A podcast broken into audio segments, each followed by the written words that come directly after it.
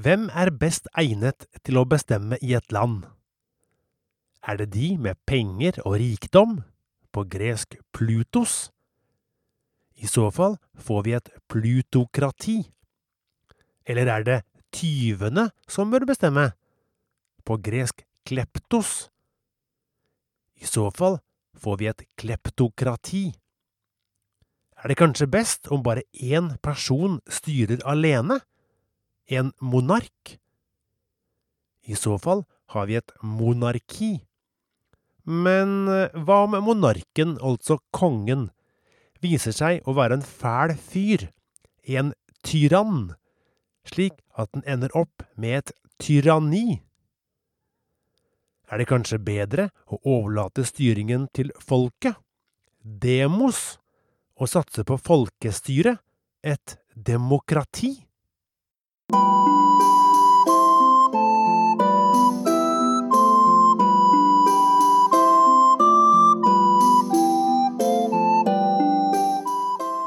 Velkommen til Helter og legender fra antikken, en podkast for unge.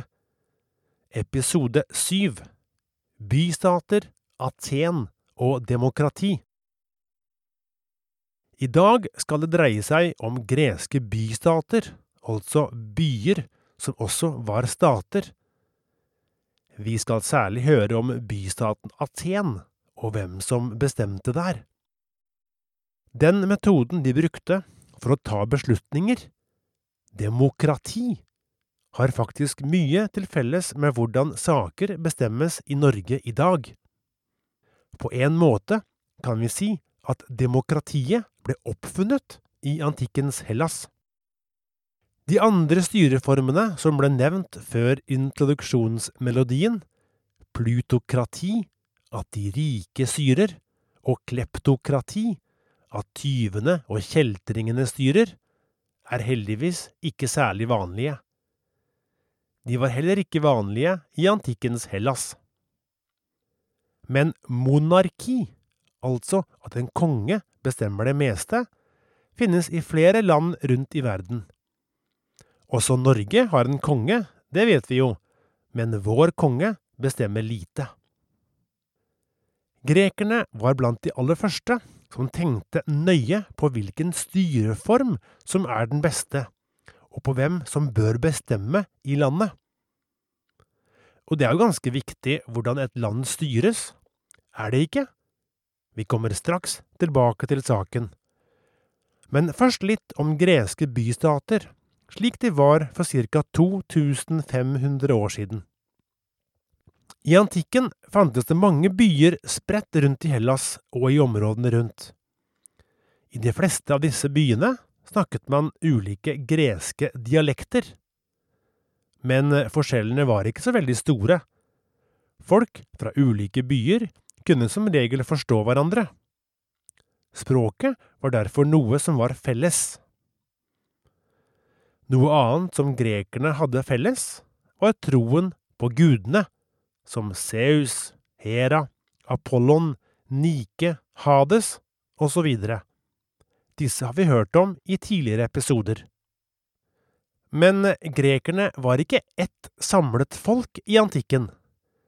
Hellas var ikke egentlig et land, ikke slik som vi tenker på land i dagens verden, altså et område med grenser mot andre land, felles militære styrker og politi, og hvor det finnes en regjering som kan bestemme det meste. Nei, Hellas i antikken var oppdelt i en rekke forskjellige områder, og grekerne følte slett ikke at de alle tilhørte ett og samme land. De følte først og fremst tilhørighet til den byen de bodde i, eller den byen de bodde i nærheten av. Og de greske byene var selvstendige, de styrte seg selv uten at noen regjering eller konge i en fjern hovedstad bestemte over dem. De gjorde stort sett som de selv ville. Siden mange byer på mange måter var sitt eget lille land, eller stat, blir byene i antikkens Hellas ofte kalt bystater. Noen ganger kunne en bystat samarbeide med en annen bystat, og til og med hjelpe nabobystaten hvis den var i problemer. Men det finnes også mange eksempler på at bystater førte krig mot hverandre. En krig kunne for eksempel oppstå hvis to bystater begge ville ha kontrollen over den samme fruktbare dalen, hvor det var bra å dyrke korn eller å ha husdyr. Kriger kunne også oppstå når en egenrådig konge ville ha mer makt. Hvis han følte at hæren hans var sterk nok, kunne han finne på å sende den av sted for å legge under seg en annen by, for å røve med seg dens penger og skatter. Greske bystater var derfor omgitt av forsvarsmurer bygd av stein eller mur. Bak muren kunne innbyggerne søke tilflukt hvis de ble angrepet av fiender, ja, for eksempel andre bystater. Greske bystater kunne altså ligge i krig med hverandre. Men noen ganger, særlig når en fremmed hær fra et fjerntliggende land prøvde å invadere store deler av Hellas, og dermed truet mange bystater samtidig, klarte grekerne å slå styrkene sine sammen. Når bystatene klarte å kjempe samlet som én hær med tusenvis av soldater, var de en formidabel motstander. Det er særlig to bystater du skal få høre om. De er begge veldig berømte, og de var ganske forskjellige fra hverandre. Den første er Aten. Byen er oppkalt etter gudinnen Atene, datter av Zeus. Som vi har hørt før, var hun gudinne for visdom, men hun var også en populær krigsgudinne. Byen Aten er kjent for mange ting, blant annet et berømt tempel, Parthenon, som ligger på toppen av en høyde like ved sentrum. Denne høyden kalles Akropolis. Parthenon-tempelet ble bygget for å gjøre ære på Atene. En kunne be til gudinnen der. Tempelet står der den dag i dag, og det er fullt mulig å besøke det. I Aten kan du også besøke mange andre historiske monumenter fra antikken. Aten er også kjent for å være blant de første stedene i verden hvor vanlige folk kunne være med og bestemme hvordan byen skulle styres. De hadde altså en form for folkestyre, eller demokrati. Og det var temmelig uvanlig på den tida. De fleste riker og byer ble nemlig styrt av enten en konge, en høvding eller en rik og mektig familie. Ofte bestemte de rike og mektige alt. Vanlige folk hadde som regel veldig lite de skulle ha sagt. Men i Aten hadde de hatt dårlige erfaringer med at én eller bare noen få skulle bestemme alt. Så de ble enige om at vanlige folk skulle lage regler og lover, velge folk som skulle ha viktige jobber i staten, og ta andre viktige avgjørelser. Måten dette skjedde på, var at det ble holdt store møter hvor folk kunne stemme på ulike forslag. Hvis du var for et forslag, for eksempel bygging av et nytt, flott tempel, rakte opp hånda. Dette kunne samtidig bety at det måtte samles inn penger fra innbyggerne, en skatt, for et tempel er jo ikke gratis å bygge. Og hvis det var flertall for byggingen, kunne innsamlingen av skatten begynne, og byggearbeidet settes i gang. Noen måtte da kjøpe inn stein til byggingen, andre måtte bestille gudestatuer og dekorasjoner og andre ting de trengte.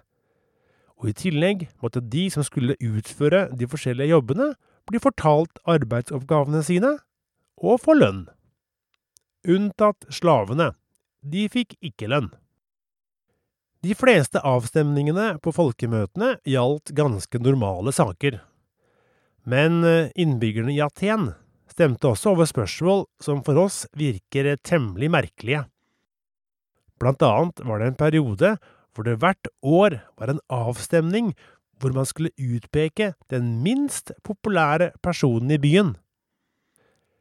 Og den som fikk flest stemmer, måtte reise sin vei, og ikke komme tilbake på ti år. Ja, det var nesten som en realityserie på TV, hvor folk blir stemt ut. I en lang periode ble Aten styrt som et demokrati, som er et gresk ord satt sammen av demos, som betyr folk, og krati, som betyr styre. Demokrati betyr med andre ord folkestyre, altså at folket skal bestemme. Det motsatte av demokrati er tyranni, som betyr at én person har all makt og bruker den på en dårlig måte. Tyranni kan oversettes med skrekkvelde, altså at noen sjefer på en måte som skaper skrekk blant folk. Du har garantert hørt ordet tyrannosaurus. Tyrannosaurus er et gresk ord som har mye med skrekk å gjøre, for det er satt sammen av skrekk og øgle. Men eh, tilbake til demokrati. Norge og de fleste europeiske land i dag er demokratier. Dette er altså et ord og en styreform som vi har fått fra antikkens Hellas. I Hellas stemte innbyggerne ved å rekke opp hånda, og så var det noen som telte opp alle hendene. Også på det norske Stortinget holdes det avstemninger over forslag. Ja, det skjer hver eneste uke. Men stortingsrepresentantene stemmer ikke ved håndsopprekning. De trykker på knapper for enten ja eller nei, og hvis det er flest ja-stemmer, blir forslaget godkjent. Det er likevel viktig å være klar over at det er en stor forskjell mellom demokratiet i Aten for 2500 år siden og demokratiet i Norge i dag. For eksempel, i Aten hadde ikke kvinner lov til å delta i styret av byen. De kunne heller ikke delta i avstemningene. Det var mennene som bestemte. En annen gruppe som ikke hadde noe de skulle ha sagt, var slavene. Vi snakket om slavene i episode fem. I Aten og andre greske byer var det helt normalt med slaver. Slaver kunne være krigsfanger eller helt vanlige folk som ble bortført når en hær invaderte et fiendtlig område. Man fant slaver i nesten alle slags jobber, i verksteder, gruver, i jordbruket og som tjenere i vanlige hjem. Slaver kunne til og med være politifolk i noen bystater. I moderne demokratier som Norge er det utenkelig at kvinner ikke skal kunne stemme i valg, eller at det finnes slaver. Det er én ting til du er nødt til å vite om Aten, som i dag er hovedstaden i Hellas, og det er at denne bystaten fostret noen av de mest berømte personene fra hele antikken. Venner av visdom ble de kalt. Mer kommer i neste episode i podkasten om helter og legender fra antikken. Så følg med! Ha det godt!